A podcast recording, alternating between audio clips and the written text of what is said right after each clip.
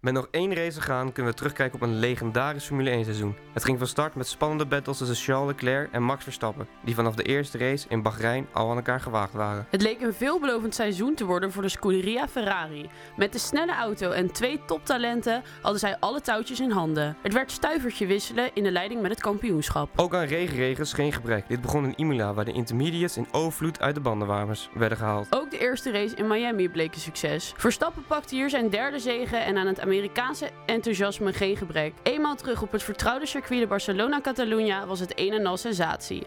Na een uitstapje van Max naar de grindbak pakte Red Bull Racing hier zijn tweede 1-2 van het seizoen en George Russell waagde zich aan het duel met de regerend wereldkampioen, wat uiteindelijk in een derde plaats resulteerde. Perez pakte zijn eerste overwinning in Monaco en niet zomaar één. Het was een zinderende race, bordenvol actie met tevens de eerste rode vlag van het seizoen. Door een crash van Mick Schumacher. Daarna nam Verstappen de tweede volgende bokalen in beslag voor zowel Azerbeidzjan als Canada. En pakte de Spanjaard Carlos Sainz zijn win af op het legendarische Silverstone. Dit was tevens de race waarbij de Alfa Romeo van Guan Yu Zhou meteen naar de start ondersteboven recht door de bandenstafel inging. Dit werd de tweede rode vlag van het seizoen. Ook liefhebbers van de strategie konden dit seizoen hun geluk niet op. Van de verschrikkelijke missers van Ferrari tot aan perfect getimede undercuts. Het kon allemaal niet op. Zoals in de laatste race voor de zomerstop, waar Max door de strategische masterminds bij Red Bull vanaf P10 naar de winst wist te rijden. En net voor de zomerstop kwam ook het nieuws dat viervoudige wereldkampioen Sebastian Vettel ermee op zou houden en het silly season was begonnen. Ook voor Daniel Ricciardo, de man met de glimlach, stopt het aan het einde van dit seizoen. Na de zomerstop gingen we verder bij onze zuidenburen. Max Verstappen won op het circuit van Spa-Francorchamps vanaf P14 op de grid. En het werd de vierde 1-2 voor Red Bull. Verder naar de race voor de hometown hero. Op het stralend Zandvoort stond Verstappen op de hoogste treden van het podium. Ondanks een sterk optreden van Mercedes klonk toch het Nederlandse volkslied. En het feest ging verder, met een veelbesproken deelname van Nick de Vries op het circuit van Monza. Hij verving hier Albon en pakte de achtste plaats. Zijn deelname maakte heel veel indruk en hierdoor wist hij voor aankomend seizoen een stoeltje te bemachten bij Alfa Tauri. Maar ook hier stopte de Verstappen-streak echter niet. Het leek maar niet op te houden voor de Nederlander en uiteindelijk was het moment dan ook daar. Op Suzuka claimde Verstappen de overwinning in de Japanse Grand Prix en pakte daarmee de wereldtitel van 2022. Maar hier stopt het niet voor de kerstverse wereldkampioen. Verstappen vond de daaropvolgende regels in Amerika en pakte in Mexico zijn 14e overwinning van het seizoen. En daarmee een nieuw record. Dan was het vorige week feest in Brazilië voor George Russell, waarbij hij zijn eerste Grand Prix overwinning pakte in Sao Paulo. Wij zijn jullie host Bas van der Brink en Gigi van Leeuwen. Welkom bij de Pitcast. Pitcast.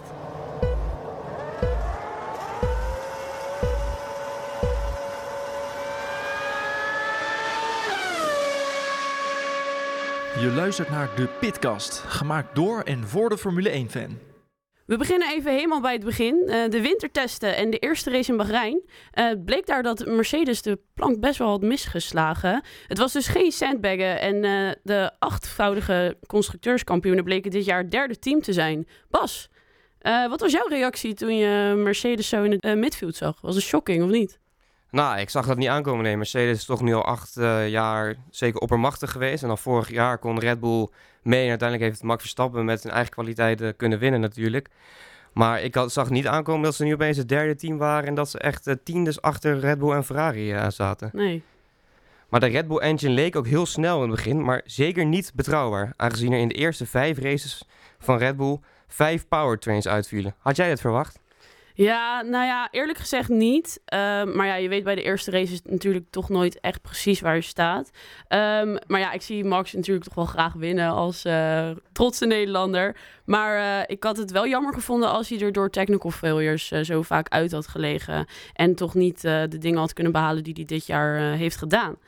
Maar eh, nee, ik eh, ben uiteindelijk toch best wel eh, tevreden. Het was gelukkig alleen de eerste paar. Gelukkig wel. En daarna konden we Max zeker verder. Maar we begonnen dus allemaal in Bahrein. En de laatste jaren organiseert Formule 1 steeds vaker races in landen met dubioze regimes.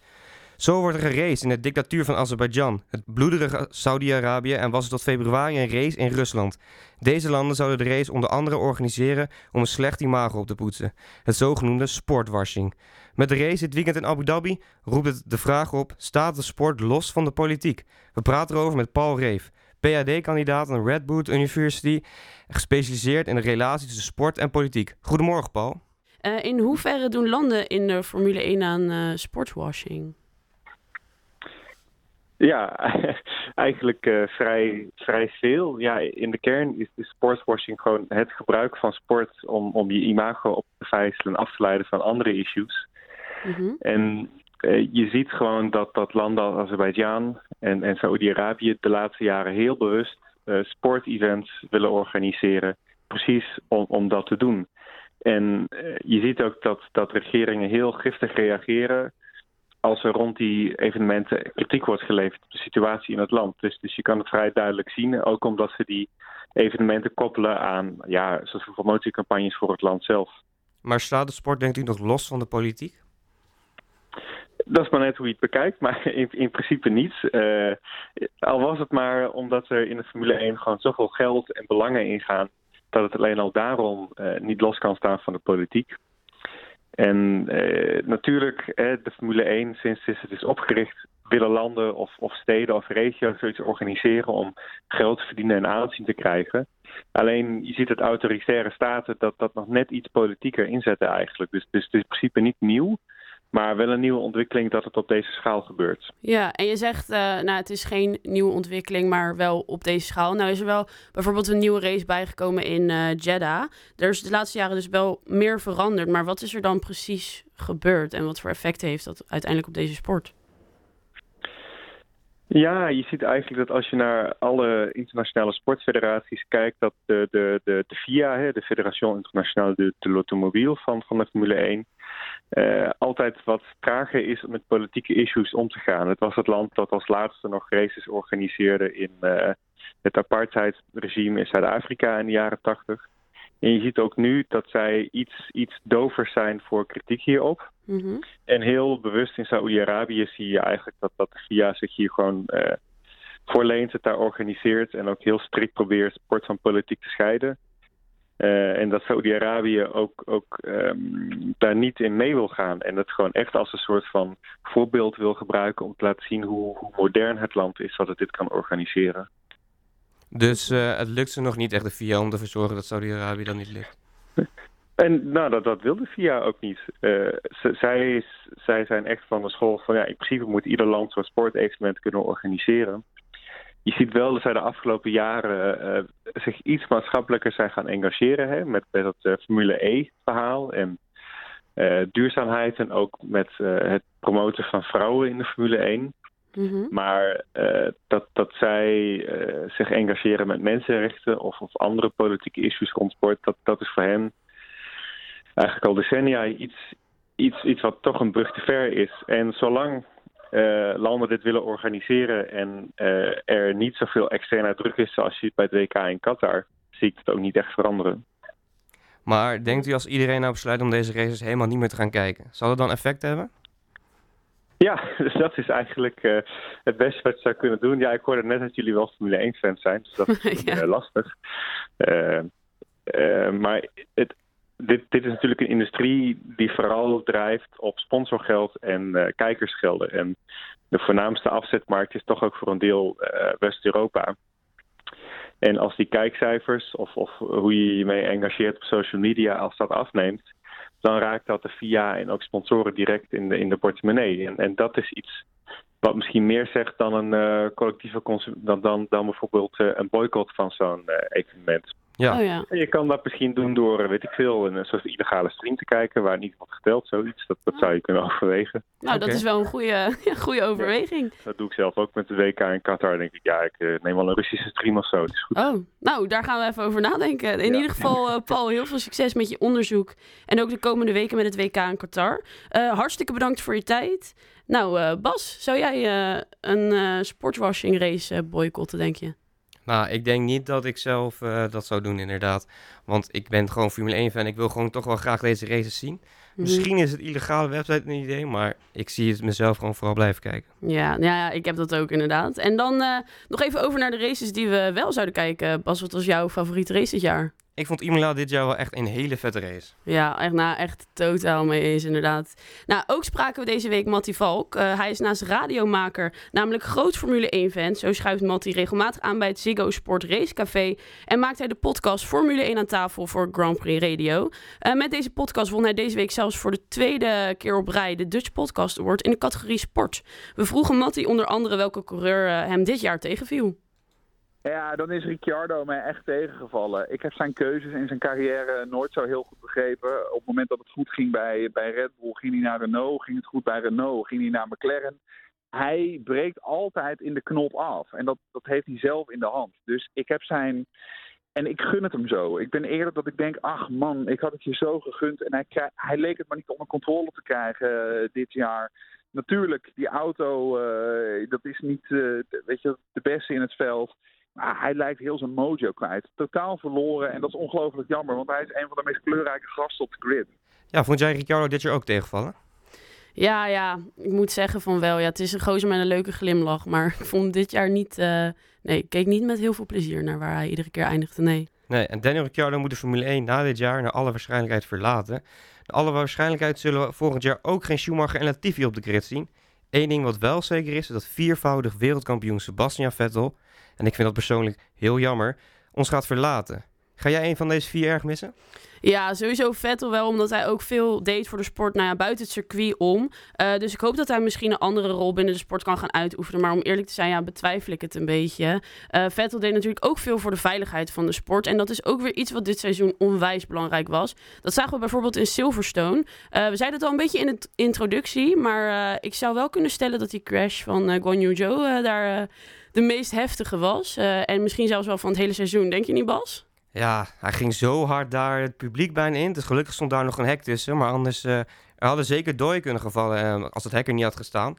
Dus ja. Uh, ja. gelukkig is alles goed gegaan. En ik denk ook dat het heel belangrijk was dat de Halo uh, geïntroduceerd was. Anders had uh, dit wel eens de leven kunnen kosten van Gwen Yuzo. Ja, ik krijg een beetje weer kippenvel als ik er zo aan terugdenk. Ja, ik was wel heel erg geschrokken. Maar in ieder geval, we blijven voorlopig nog wel even in Europa voor de Grand Prix van Hongarije. Max Verstappen won vanaf P10 met een perfecte uitvoering van de strategie van Red Bull. terwijl Hamilton als tweede eindigde. Ben jij een beetje fan van strategie, Bas? Ik vind strategie wel mooi, maar ik vind uiteindelijk nog wel het meest mooi als het gevecht gewoon op de baan wordt uitgevochten dat ze één tegen één elkaar moeten inhalen. Mee eens? Ja, zeker mee eens. Nou, perfecte afsluiter van de eerste seizoen zelf. De Pitcast. Ja, en in de afgelopen jaren is karten steeds populairder geworden. Volgens het KNAF is het aantal uh, kartscholen met licentie sinds 2016 uh, gestegen met 32 procent. Uh, het aantal permanente actieve rijders lag in 2017 rond de 400 en in 2021 waren dit er al bijna 600. Dat is een stijging van zo'n 50 procent en ook het amusementkarten groeit aan populariteit. Op deze kartbaan zijn er steeds meer kinderen te vinden, maar hoe komt het nou precies? Nou, onze verslaggever Just die uh, zocht het uit. De kartsport wordt steeds populairder en kartcentra schieten de laatste jaren als paddenstoelen uit de grond. Met steeds meer jongere kinderen die beginnen met karten. Maar hoe komt dit? Ik vroeg dit aan oud Formule 1-coureur en eigenaar van Blekemolens Race Planet, Michael Blekemolen. Het heeft wel iets geholpen dat Max Verstappen natuurlijk ging rijden. Want toen was er op de televisie heel vaak dat je Max zag rijden in zijn jongere jaren op karts. Nou, dat hielp natuurlijk voor ons absoluut. Uh, we zien nu ook weer hier... Uh, de jeugdrijders, speciale jeugdkarts. En die, uh, ja, die denken allemaal wel dat ze Max Verstappen zijn, worden of uh, gaan worden. Nou staan we hier naast de kartbaan. Uh, de jongens zijn een rondje aan het rijden. Ziet u nou ook dat na een overwinning of na successen van Max... dat de aanvraag voor karts door voor jongeren toeneemt? Ja, toen hij won in, in Barcelona de eerste keer...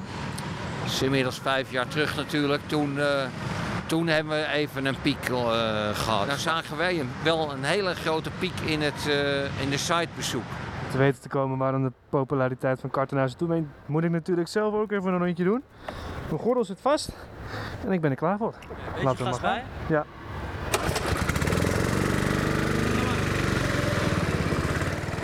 Ik rij nu op het circuit. Ik weet niet of jullie mij kunnen horen, dames en heren. We gaan wel erg hard. Jezus. Ja, dit is wel echt vet, dames en heren. Bijdemmen. Nou, bochie. Bijna de berg op, ja! Hele scherpe bocht. Remmen, remmen, remmen, remmen, remmen. Oh. En nou de berg af. Oeh, dat gaat hard. Remmen, remmen, remmen. Het is met een bochtje. En dan zijn we alweer bijna bij start-finish. Zo. Ik snap wel waarom eh, jongetjes van 15 dit wel echt vet vinden. Jongens, eh, jullie hebben net gekart. Waarom vonden jullie het zo leuk om te gaan karten? Omdat het leuk is om net zoals Max Verstappen te beginnen. Want hij begon ook in kart. Ja, ik, Ja. ik kijk elke dag, ik kijk elke race. Het is leuk om je een beetje om zelf je auto te besturen. En als misschien kom ik later wel in de Formule 1 en dat is ook een beetje mijn droom. En als jullie dan in de auto zitten, stellen jullie eh, dan ook voor dat jullie Max Verstappen zijn? Ja, ik, ik wil wel soort van voelen dat ik een beetje Max Verstappen ben. Nou ja, ik voel me niet Max Verstappen omdat ik het niet ben. Ik voel me voor mezelf, maar het is gewoon heel leuk. Wat gaaf dat je zelf een rondje mag rijden, Just. Je bent hier zelf in de studio om jouw column over de Belgische Grand Prix van 1989 voor te dragen. Ga je gang. Het is een druilerige zondagmiddag als de koningklasse van de autosport zich opmaakt voor de Grand Prix van België.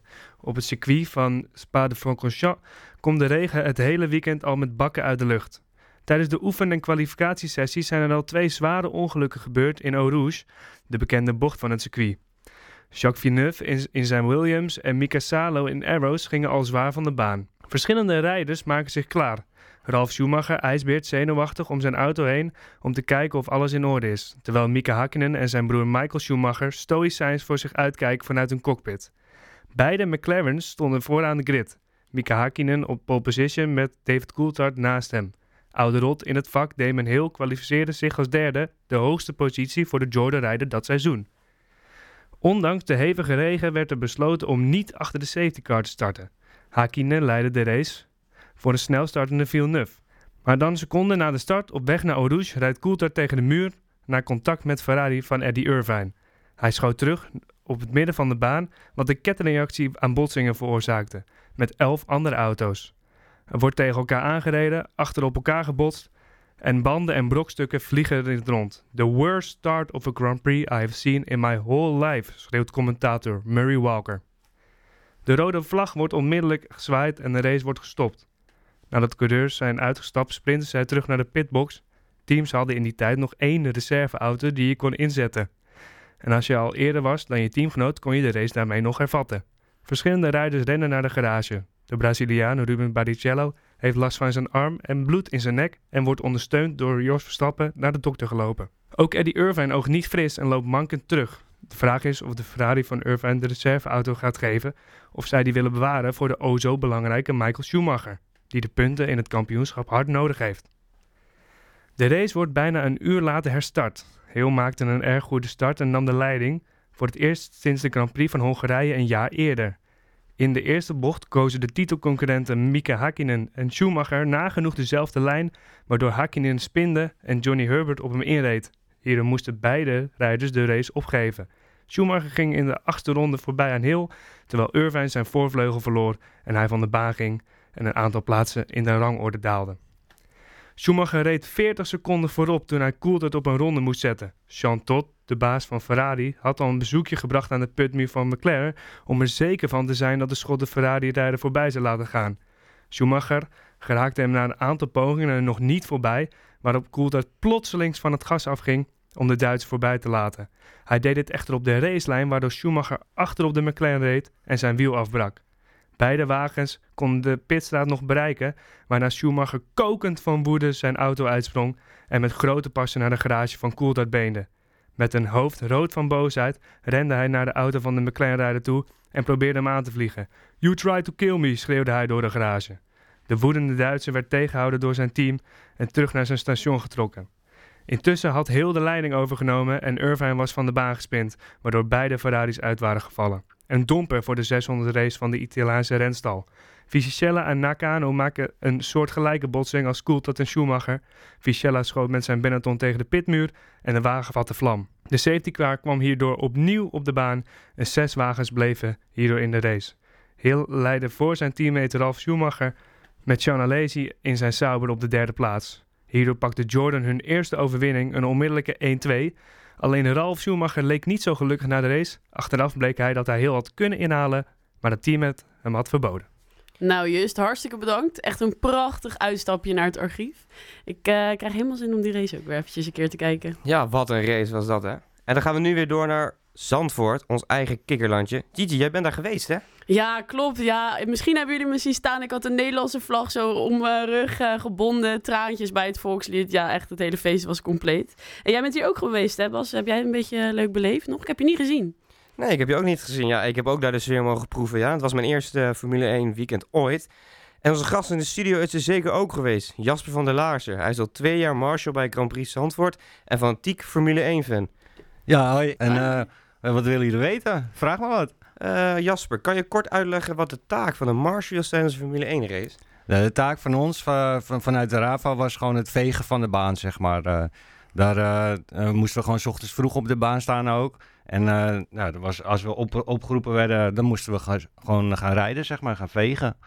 Ja, nou echt, uh, het lijkt me wel ook heel grappig om dan in zo'n veegwagen zo'n circuit over te gaan. Uh, kun je ook een beetje de sfeer omschrijven die je vanaf de baan meemaakt tijdens zo'n weekend? Echt vanaf de baan zelf, zeg maar. Ja, nou, het begint natuurlijk al, wij, wij zaten vlakbij, vlakbij het circuit ook, in Center Parks. En daar begint het al, weet je al, je merkt het al gewoon, dat, dan zie je al mensen lopen en dan krijg je al een beetje spanning dat je naar die baan toe loopt. Ja, de sfeer is echt fantastisch. Het is gewoon een hele andere beleving is het ook, weet je al. Je ziet die mensen, zie je echt gewoon gek doen, is zo gezellig echt, uh, we hebben echt, echt onwijs genoten ook, uh, ja. Ja, super vet inderdaad. Ja, en u heeft ook foto's gemaakt, uh, heb ik gehoord, toen hij aanwezig was. Ja, klopt. een paar ja. laten zien? Ja, hou maar voor inderdaad. Ja, nou hier zien jullie het al. Dit is gewoon eigenlijk, hadden we wat vrije tijd. Gingen oh, ja. we gewoon mooi langs de baan kijken, weet je wel. En foto maken, ook gewoon van een andere manier genieten inderdaad. Ja, ik zie jullie inderdaad staan, lekker zonnetje. Want het was natuurlijk prachtig weer. Zo mooi het circuit op de achtergrond. Ja, het ziet er echt uh, top uit. Ja, dat klopt. Het was echt, echt zo mooi weer ook weer. Ook net als vorig jaar natuurlijk was het ook zo'n feest. Ja. Het maakt gewoon extra natuurlijk... Uh, ja. Om te genieten, ja. En je zit ook heel dicht bij de baan, zie ik. Dus de figuurs uh, zijn dichtbij langsgekomen, denk ik. Ja, zeker. We stonden ook uh, zeg maar uh, bij de pitstraat in de paddock. En dan zag je gewoon de coureurs zag je gewoon langslopen. En ja, dat is, dat is helemaal geweldig als je ook zelf ook al een fan bent, weet je. Als je ze zo ziet, zo geconcentreerd ook, weet je wel. Dus dat is echt top om te zien, ja. Ja, en je bent zelf natuurlijk uh, echt een heel groot Formule 1-fan. Maar was Zandvoort dan ook wel echt de mooiste race, omdat je het dan op zo'n andere manier meemaakt? Ja, zeker. Normaal gesproken zit ik gewoon voor de televisie. En nu, uh, ja, dan, dan, krijg je in één keer dit uh, voorgeschoten. Mogen we hier aan meedoen? Gewoon heel anders is, weet je wel. Je, je maakt een heel andere beleving. En uh, dat is echt super om het op deze manier te zien, ja. Ja, en had u niet last van uw oren, oren? Want toen ik er was, toen vond ik het geluid al best wel hard. En is dat nog een stuk dichterbij? Nee, dat viel eigenlijk wel mee. We hebben ook uh, meerdere evenementen gehad. Bijvoorbeeld de Porsche Challenge. Er was ook was veel meer geluid eigenlijk. Ik vind uh, de Formule 1 valt in principe nog best wel mee. Ik hoorde, uh, er stonden ook heel grote boksen langs het publiek. Weet je, daar hadden we eigenlijk meer last van. Ja, ja ik moet ook wel zeggen inderdaad. Want die, je hebt natuurlijk op zo'n dag dat je ook de andere klassen hebt. Maar die F2 volgens mij of F3, dat zijn echt harde auto's hoor. Ja, Zo. Dat, ja dat klopt, ja. Oh, oh. maar um, even naast Zandvoort, is er nog een andere race die jou uh, echt bij is gebleven van het afgelopen seizoen? Uh, moet ik even goed nadenken hoor. Eentje waarvan je echt zegt van nou... Ja, ik vind sowieso Monaco gewoon onwijs mooi. Omdat het gewoon uh, veel meer historisch is natuurlijk. En ja. dat, ja, dat, dat is ook maar voor afwachten natuurlijk. Het, het mooiste is als het regent op dat circuit. Want dan maak je helemaal wat mee.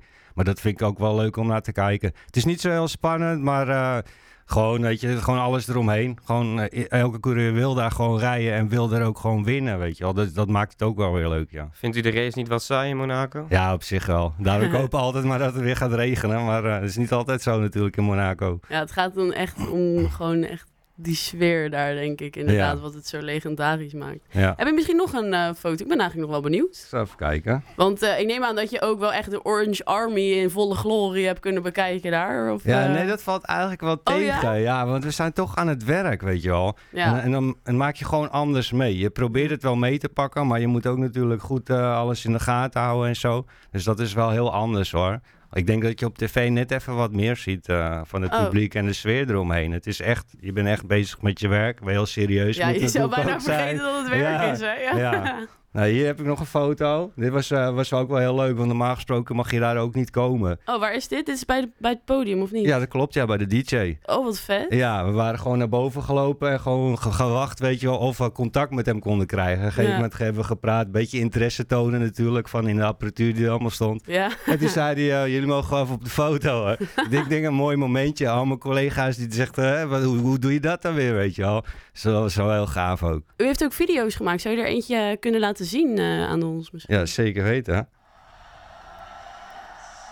Oh ja, onwijs vet inderdaad. Ja, we zien... Uh, wat zien we precies nu? Nou, hier sta ik uh, zeg maar in de arena. Ja, en, het was natuurlijk net na de overwinning van Max. Ja. Dus iedereen, al die fakkels mochten toen op dat moment ook aangaan. Nou, dat was echt niet normaal wat voor sfeer dat toen was hoor. Ja, ik kan me echt voorstellen dat je dat, uh, dat ga je denk ik niet meer snel vergeten. Nee, zeker weten niet, nee. nou, super gaaf dat u daar nog zijn. Ontzettend bedankt dat u langs mocht komen. Ja, nou in ieder geval bedankt. En uh, volgend jaar, uh, als u er dan weer bent, dan uh, zwaaien we nog wel eventjes, ja, inderdaad. Nou, graag gedaan. Maar Zandvoort was helaas niet alleen maar gezelligheid. Na het raceweekend waren er veel geluiden van grensoverschrijdend gedrag. En we keren nog eventjes een keer terug naar podcastmaker Mattie Valk. Nee, ik heb daar niks van meegekregen. En uh, vooropgesteld dat dat natuurlijk echt niet kan. Um, Jan Lammers, de, de directeur van Circuit Zandvoort, die legde het eigenlijk wel... Ja, die had er een goede theorie over. Als in, de Formule 1-wereld is zo ongelooflijk populair geworden. De aantallen bezoekers die daar komen worden groter. En hoe groter de aantallen, hoe meer je een afspiegeling krijgt van de samenleving. En niet om het um, te bagatelliseren. Maar in iedere sector, in ieder uitgaansleven, eh, op het moment dat er een groot evenement is, gebeuren dat soort dingen. Niet om het goed te praten, sterker nog, ik denk dat dat echt uh, waar kan, moet, daar fel tegen uh, opgetreden worden. Maar je haalt dus ook met een groot publiek dit soort mensen binnen ja, die je eigenlijk niet binnen wil hebben. Dus dat hangt niet zozeer aan Formule 1. Dat is een probleem in de samenleving, wat Ja, door de omvang van de Formule 1 nu ook de Formule 1 raakt. Ja, dat is eigenlijk te mooi om te denken dat dat weg zou blijven met zo'n grote groep Ja. fans die, eh, die op zo'n race afkomt. Absoluut, absoluut. Ja, en natuurlijk, natuurlijk moeten we naar, eh, naar, naar- naar een punt toe dat het echt niet meer gebeurt. Ik denk dat iedereen het daarover eens is. Maar het is niet een uitwas van de Formule 1. Er valt niet alleen wat te zeggen over vrouwelijke F1-supporters, maar ook over vrouwelijke coureurs. De laatste decennia is het geen vrouw gelukt om een race in de Formule 1 te rijden. Maar ja, ook door te weinig financiële steun kwam er aan de W-series de vrouwenklasse van de autosport dit seizoen een eind. We spraken met Matthijs Diepraam over de kansen van vrouwen binnen de koningsklasse van de autosport. Hoe komt het dat er nog geen vrouwen in de Formule 1 rijden? Dat is een heel interessante vraag. Er hebben ooit vrouwen natuurlijk wel in de Formule 1 gereden. Maar de laatste keer dat dat is gebeurd is al eind jaren 80. Dus dat is al een heel eind eh, geleden. We hebben sindsdien nog wel vrouwen in eh, de IndyCars gereden. Dat is de Amerikaanse tegenhanger van de Formule 1. Danica Patrick heeft er zelfs een wedstrijd gewonnen. Maar dat is ook alweer even geleden. Ik denk dat een van de oorzaken is dat de Formule 1 steeds fysieker is geworden. Je moet enorm sterk, zwaar getraind zijn om een eh, moderne formuleauto te kunnen besturen. Vrouwen hebben daarin een eh, natuurlijke achterstand. Voor niets doen ze het veel beter in de sportwagens. En daarin beschik je meestal over stuurbekrachtiging en rembekrachtiging. Want wat je niet moet vergeten is dat de autosport samen met de paardensport en korfbal een van de weinige sporten is waarin mannen en vrouwen gewoon tegen elkaar uitkomen in dezelfde wedstrijd. Hè, Het, doel is dus niet om een soort vrouwenautosport te creëren zoals er vrouwenvoetbal eh, bestaat, maar om meer eh, vrouwen te betrekken in eh, de autosport in het algemeen. Je ziet dan ook wel dat in de sportwagens en de tourwagens en de lagere formuleklassen steeds meer vrouwen actief zijn en ook met toenemend eh, suc- succes. Want wat doet de autosport er momenteel aan om vrouwen wel in de Formule 1 te krijgen? Nou, de FIA, de Wereld Autosportbond, die doet daar al jaren vrij veel aan. Dit, dat gaat dan breder dan alleen meisjes in raceauto's, maar ook om meer vrouwen in de hele sport in de breedte aan het werk te krijgen. En dan niet alleen in de beroepen die je traditioneel ermee associeert, zoals marketing en communicatie, maar ook in leidinggevende en technische rollen. En dat geldt dan ook niet alleen voor vrouwen, maar sport wil de diversiteit veel eh, breder trekken. Ook op het gebied van kleur en afkomst en geaardheid, noem maar op. Maar ja, het, het- het is wel de wet van de grote getallen nu natuurlijk. Hè. Tegenover één meisje dat vandaag in, in de karts begint, staan nog altijd 50 jongens. Er zijn ook gewoon veel te weinig meisjes die überhaupt beginnen. De kans dat daar een kampioen tussen zit, is vanaf het begin al veel uh, kleiner dan bij de jongens. Daar moet de verandering komen. Meer meisjes die beginnen. Want Formule 1 heeft gezegd dat er een nieuwe raceklasse komt in 2023.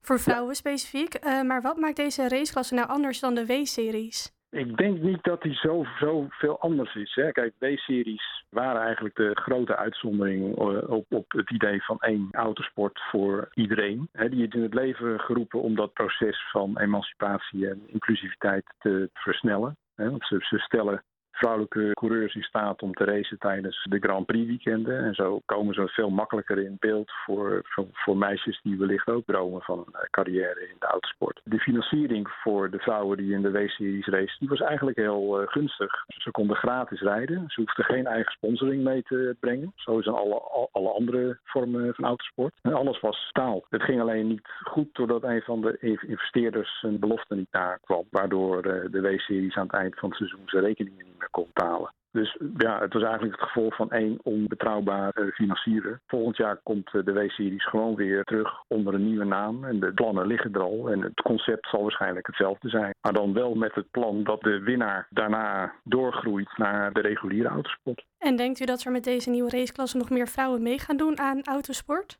Het heeft wel een aanzuigende werking. Je hebt in de afgelopen drie jaar van de W-series gezien dat er steeds meer jonge meisjes in de karts zijn gestapt. En er is ook een, speciaal meisjesprogramma in het leven geroepen dat uh, tienermeisjes blijft steunen zodat ze in de autosport blijven en niet afhaken. Er zijn ook de eerste meisjes zijn nu ook in de juniorprogramma's van Formule 1 teams opgenomen. Bijtse Visser die beweert dat sponsoren en personen eerder kiezen om een jongen te sponsoren omdat het een te groot risico is voor sponsoren om te investeren in vrouwen in de autosport. Hoe denkt u hierover?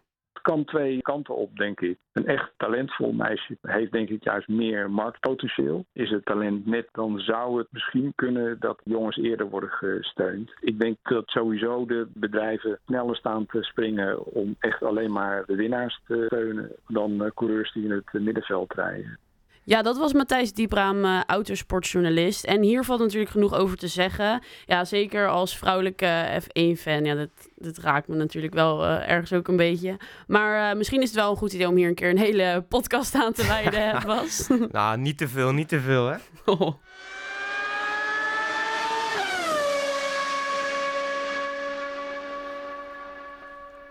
We gaan nu door naar de lievelingsrace van vele coureurs, Suzuka in Japan. Maar volgens Nederlands vooral het super grote feest van Max Verstappen. Na een hele sterke race officieel wereldkampioen van seizoen 2022.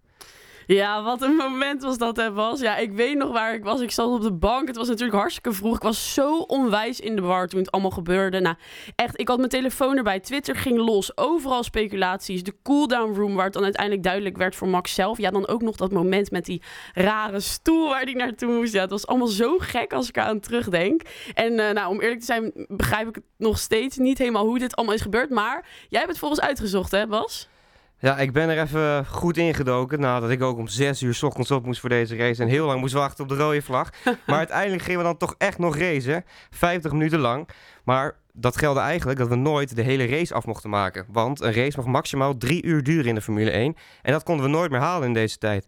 Uiteindelijk hebben we ongeveer 50% van de race geraced. En dat zou normaal betekenen dat we maar de helft van de punten krijgen. Maar door de regels is het wanneer de finishvlag valt dat de volledige punten gelden. Dus dat was hier uiteindelijk het geval. Dat was nog niet alles, want over de finishstreep kwam Leclerc voor Perez. Maar in de allerlaatste bocht maakte Leclerc een foutje wanneer Perez aanviel en schoot hij door en de snee hij de bocht af. Wat in de Formule 1 betekent 5 seconden straf. Wat hier dus betekende dat Leclerc naar plek 3 viel. En dat betekende dat Max Verstappen uiteindelijk toch echt wereldkampioen bleek. En plaats mag nemen in die schamelijke rode stoel in de cooldown room. nou, zo, je was lekker bezig. Onze thuisanalist.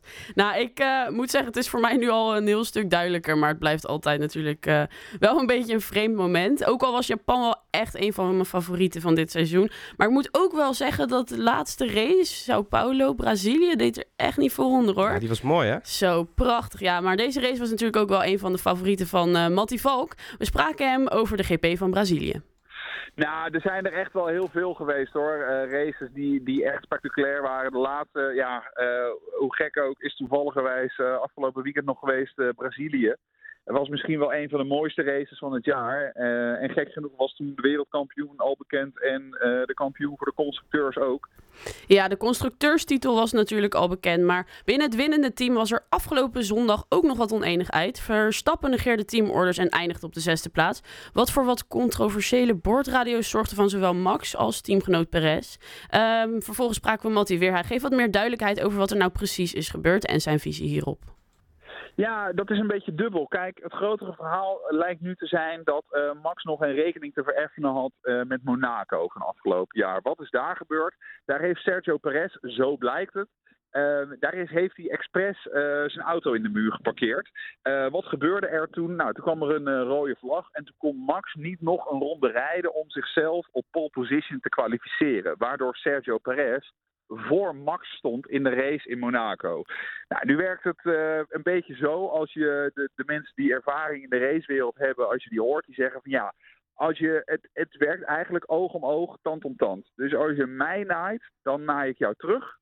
Dan staan wij gelijk en dan gaan we daarna weer als goede vrienden verder. Tot wat weer een van de twee een truc uithaalt. Dat lijkt hier gebeurd te zijn. Max had nog een rekening te vereffenen. Um, blijkbaar is dat ook besproken, want hij zei meteen over de boordradio toen gevraagd werd van Max wil je Sergio voorlaten, zei hij meteen heel fel nee, dit hebben we al besproken, ik ga dit niet doen. En heel belangrijk, Max Verstappen is vanaf jongs af aan opgevoed om te winnen. Waar je kan winnen, win je. Het maakt niet uit om welke omstandigheid, het maakt niet uit wat het publiek van je vindt, het maakt niet uit wat het doet voor je imago of voor je merk. Jij gaat racen, jij gaat winnen. En het maakt Max dus ook geen ene moer uit wat er nu met zijn merk gebeurt of met zijn imago of dat mensen boos op hem zijn. Daar is hij altijd wars van geweest. Max is niet vatbaar voor emoties of voor de publieke opinie. En dus maakt het hem geen reet uit. En dat is de reden als je gaat kijken naar de geschiedenis van grote wereldkampioenen. Dat waren bij vlagen klootzakken. En dat is Max Verstappen nu ook. En ik weet zeker dat als we over twintig jaar terugkijken, dat we alleen maar kunnen denken: Jezus, wat had die gasprincipes? Wat was het af en toe een enorme klootzak, maar het is een van de grootste coureurs aller tijden geworden. Nou Bas, wat vind jij uh, dat Max had moeten doen? Teamorders opvolgen of denk je dat hij het zo goed heeft gedaan?